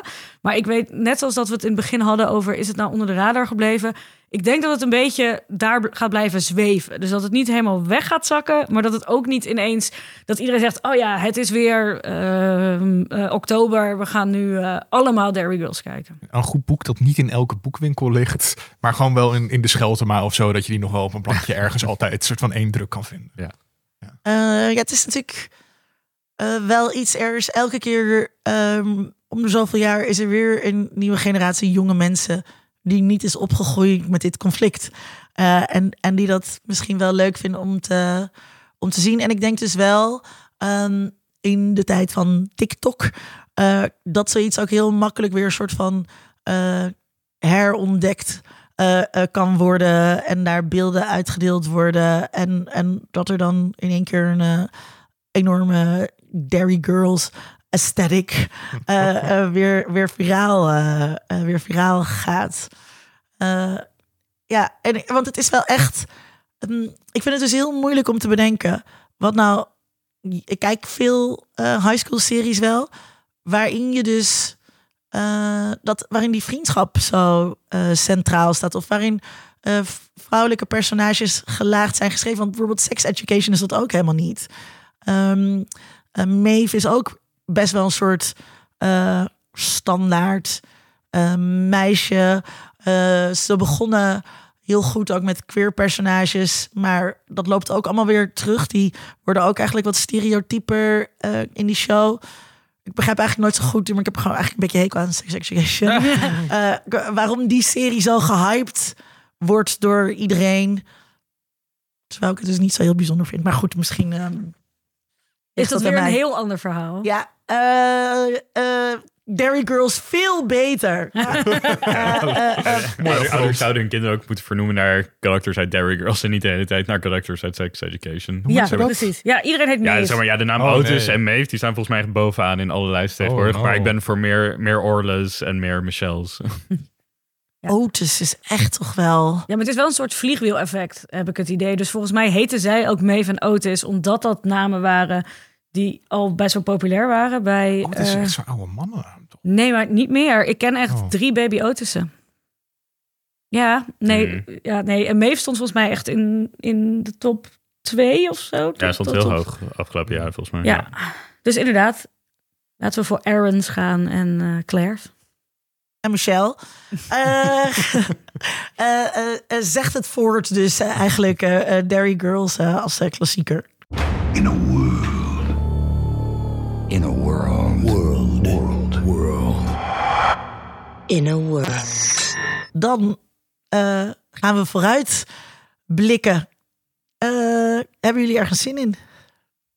Eh, ja, Eh, nou, ik heb, eh, ik heb eh, twee dingetjes waar ik, waar ik naar uitkijk. Ik heb ehm, seizoen 2 van The Gilded Age heb ik, eh, opgespaard. Dus The Gilded Age is, ehm, eh, is een serie van eh, Julian Fellows. En je kan het eigenlijk misschien best omschrijven als een Amerikaanse versie van eh, Downton Abbey. Dus het gaat over de, mm, ja, de aristocratie in, ehm, in New York eind eh, 1800 en daarbij ook de opkomst van de zwarte bourgeoisie en daar is een heel verhaal omheen en kostuumdrama waar ik eigenlijk best wel van hou. Ik ben eigenlijk echt een zakker voor Downton Abbey. En ik heb nu heel seizoen 2 van The Gilded Age opgespaard en dat ga ik denk ik ja, over eh, nu met de kerstdagen wel lekker kijken. Eh, dus ik heb, eh, daar heb ik zin in. Ehm, Vond je niet dat die kwalificatie van Downton Abbey een beetje te hoog geprezen was? Hoe bedoel je dat, dat de kwalificatie te hoog geprezen was? Ja, dus ik vond The Gilded Age wel oké. En Downton Abbey vond ik echt fantastisch. Oh, zo. Eh, ja, het, het is. Nee, het is niet zo goed als de begin. Als de eerste paar seizoenen van Downton Abbey. Ik kom niet eens in de buurt. Maar ik hou van de kostuums. En, van, gewoon, en gewoon van. en klassenverhoudingen. En klasverhoudingen. En gewoon van een beetje light drama do- er doorheen gespinkeld. Dus het is geen fantastische. Maar ik vind, ik vind, prima, ik vind het prima vermakelijk. Eens. Ja. Ehm, En dan eh, hebben we ook eh, de nieuwe Ferrari-film die uit gaat komen. Volgens mij eh, tegen, tegen kerst aan. Wat een range is deze man. Oh ja, echt, hè. Ehm, dus ja, we krijgen weer een lekkere sportbiopic over, over Enzo Ferrari. Dus de oprichter van, van Ferrari. En hoe in 1957 eh, hij de eh, Mille Miglia ehm, eh, aan mee gaat doen. Dus dat is een beroemde race toen tijd. En dat- daar hing de toekomst van Ferrari eh, eigenlijk vanaf. Eh, met Adam Driver in de hoofdrol. die na het spelen van Maurizio Gucci dacht... hey, weet je wat? Ik ga weer een bekende oude Italiaan spelen. Ook zonder accent was hij toch in Gucci, toch? Nee, Of Gucci wel- had, nee, hij, nee, had hij een accent. En ik heb de ja. trailer gezien. In Ferrari heeft hij weer dat accent. Is hetzelfde accent. Oh, wat Terwijl ik. Adam Driver echt over het algemeen echt wel een hele leuke, leuke acteur vind. Maar ik denk zo, Adam, hou eens op. Met, Ja, dit is gewoon niet goed. En, maar eh, in House of Gucci was ook geen enkel accent. Nee, was, nee, was verschrikkelijk. Dus ik, eh, ik, ik denk ook dat die Ferrari-film niet top gaat worden hoor. Maar eh, en dan heb je ook nog Penelope Cruz, die ook weer wel een, weer een bekende Italiaan geweest heeft natuurlijk in het verleden. Donatella Versace gespeeld in Assassination of Gianni Versace. Ehm, en zij speelt zijn vrouw volgens mij. En volgens mij wordt wederom niet een hele denderende film. Maar ik hou van eh sportbiopics. Hmm. En ik hou eh, van Adam Driver en ook van Penelope Cruz. Dus eh, ja, ik, ik, ik, ga hem denk, ik ga hem in ieder geval wel kijken. Wel Eén keer. verrassende titels inderdaad. Vorige eh afleveringen Dikkertje Dap en uh, Basie en Adriaan. en, Dat is geen grap, luister maar terug. en, en nu Ferrari Iris. Waar heb jij zin in? Nou, niet in de Ferrari-film. Dus die gaan we niet samen kijken. Ehm, waar ik heel veel zin in heb, is... Het is een beetje een niche, maar ehm, een van mijn favoriete artiesten ooit, eh, Radical Face. Dat is een, eh, ja, een folk, indie folk artiest. Eh, wel bekend van het nummer Welcome Home Son onder de Nikken reclame. Daar zullen mensen het nog wel van kennen. Ehm, en hij is nu bezig met een nieuw project. En dat heet A Light in the Woods. En dat is deels ook geïnspireerd door Over the Garden Wall. Dus nu maak ik hem weer helemaal mooi rond. En het is, het is en een album, maar het is ook een website waarop je, waar je er soort van doorheen kan klikken als een soort digitaal boek. Maar hij heeft alle animaties ook zelf gemaakt. En er staat ook een film, ja, een film met het album eronder op YouTube. Dus het is een soort film, game, plaatjesboek waar je helemaal doorheen eh, kan bladeren. Waar ook puzzels allemaal te vinden zijn. Waardoor je weer verder dingen kan gaan ontdekken en personages kan leren kennen. En nu is net het eerste hoofdstuk, zoals hij dat zelf heeft gezegd, staat online. En in de komende periode, weten we nog niet precies wanneer, komen er telkens nieuwe hoofdstukken uit. En eh, het gaat over een, een, ja, een soort. Eh, ik moet even denken hoe ik dit ga beschrijven, maar hij heet Vegas. En dat is een klein poppetje. En die woont in een, in een eikel. in Een eikeltje, woont hij in een eekhoorn. En ehm, hij woont in een, in een dorp waar iedereen maar zijn dingen doet. Een beetje zoals zeg maar eh, de Hobbits. Eh, maar hij wordt dan op een gegeven moment geroepen om weg te gaan op een soort missie waarvan we nog niet helemaal weten wat. Het is allemaal heel herfstig, zelf allemaal gemaakt. Ik vind het super mooi en heel erg leuk. Dus daar heb ik heel veel zin in dat daar nog veel meer van uitkomt. En een andere wat ik voorbij zag komen was, dat is iets wat jij me ooit hebt aangeraden, Linda, eh, Good Trouble. Dat eh, daarvan zou, dacht men, een nieuw seizoen komen, maar dat is nu dus net gecanceld. Wat? Ja, eh, dus er komt niet een heel nieuw seizoen, dus geen seizoen 6. Ze gaan nu een laatste aflevering maken waarin ze kennelijk laatste, ja, een extra lange laatste aflevering waarin ze wat touwtjes aan elkaar gaan knopen. Ehm, ik had eigenlijk wel weer zin om dat weg te kijken, dus ik was een beetje teleurgesteld dat het niet een seizoen is, maar alsnog wel zin in die afsluiter. toch dan nog wel aardig dat ze dat nog doen. Ja, dat ze je niet gewoon helemaal laten hangen. Ja. Ja, ik moet zo denken aan was zo'n serie October Road. En die werd ook in één keer, ging ook het laatste seizoen wat gepland was niet door. En toen beloofden ze nog een special en die is ook nooit gekomen. En toen zat ik echt zo met zo'n gebrek aan closure Dat is het over, allerergste. over die personages. Ja, dat is heel kut. Eh, ik eh, heb zin in The Boy and the Heron. Eh, en dat is de, deze keer echt, echt waar. Hij gaat nu met pensioen. Eh, een film van Miyazaki. Eh, echt waar. Hij zegt dat hij nu echt met pensioen gaat. Dat heeft hij volgens mij al drie keer eerder gezegd met Een soort film. Johan Remkes. Ja, Ja, mij niet bellen. Maar als er toch iets is, kom ik wel weer terug. Precies. Ehm, nee, maar dat, dat ziet er heel mooi en fijn uit. En hij doet al een tijdje alle filmfestivals. En ook in Amsterdam was hij een keertje een weekendje al heel kort te zien. Maar dat was toen stijf uitverkocht. Eh, en alle reacties zijn heel erg... Het is een beetje zweverig, het is een beetje raar. Maar het is, eh, het is wel een Miyazaki-film en het is wel hartstikke mooi. Dus daar heb ik ook wel echt zin in. En hij komt eind december uit. Dus dan kan iedereen hem eindelijk gaan zien. De poster is prachtig. Ja. ja. Ehm, ik ehm, ben begonnen aan Murder at the End of the World. eh, op aanraden van eh Natasha Vee. Ehm, gaat over een Gen Z true crime eh, aficionado die ehm, moorden wil oplossen. En die dan door een crazy, rare tech-miljonair, miljardair gevraagd wordt op een soort bijzonder weekend met andere crazy mensen. Eh, dus het voelt een beetje. eh, hoe heet het? Agatha Christie en knows. ja, ja, en de Glass Onion- en zo. En ehm vooralsnog vind ik het leuk op ehm, Disney+. Plus. En ik heb gezien in onze laatste aflevering. Ja, De Oh. volgende de aller, allerlaatste. is de laatste. Ja, we krijgen veel bedroefde reacties. Sorry. Ehm, sorry. Sorry aan iedereen. Jullie kunnen een petitie starten, zodat we nog een keertje terugkomen. Eh, dit was aflevering 126 van Geeky Dingen. Zoals altijd, dank aan onze vaste steun, Rona Bosman. Heel hartelijk dank, Karim en Iris, dat jullie nog een keertje te gast wilden zijn. Het was Ja, een heel, eer. Heel graag, dankjewel. Eh, Iris kan je soms horen eh, bij NRC. Eh, en eh, ja, Karim kan je dus terug horen eh, in, eh, in, eh, in eerdere afleveringen. Heel erg dank ook aan Tom. En aan jou, Linda. Heb je zin in de volgende? Zeker. Gaan we huilen? Ja, misschien een beetje. Gewoon dat ik toch aan het einde dan zit van... Bij de vooruitblik dat je dan ineens zit van... Een leegte. Want ik ga het hier nooit meer over hebben. Ja, ja.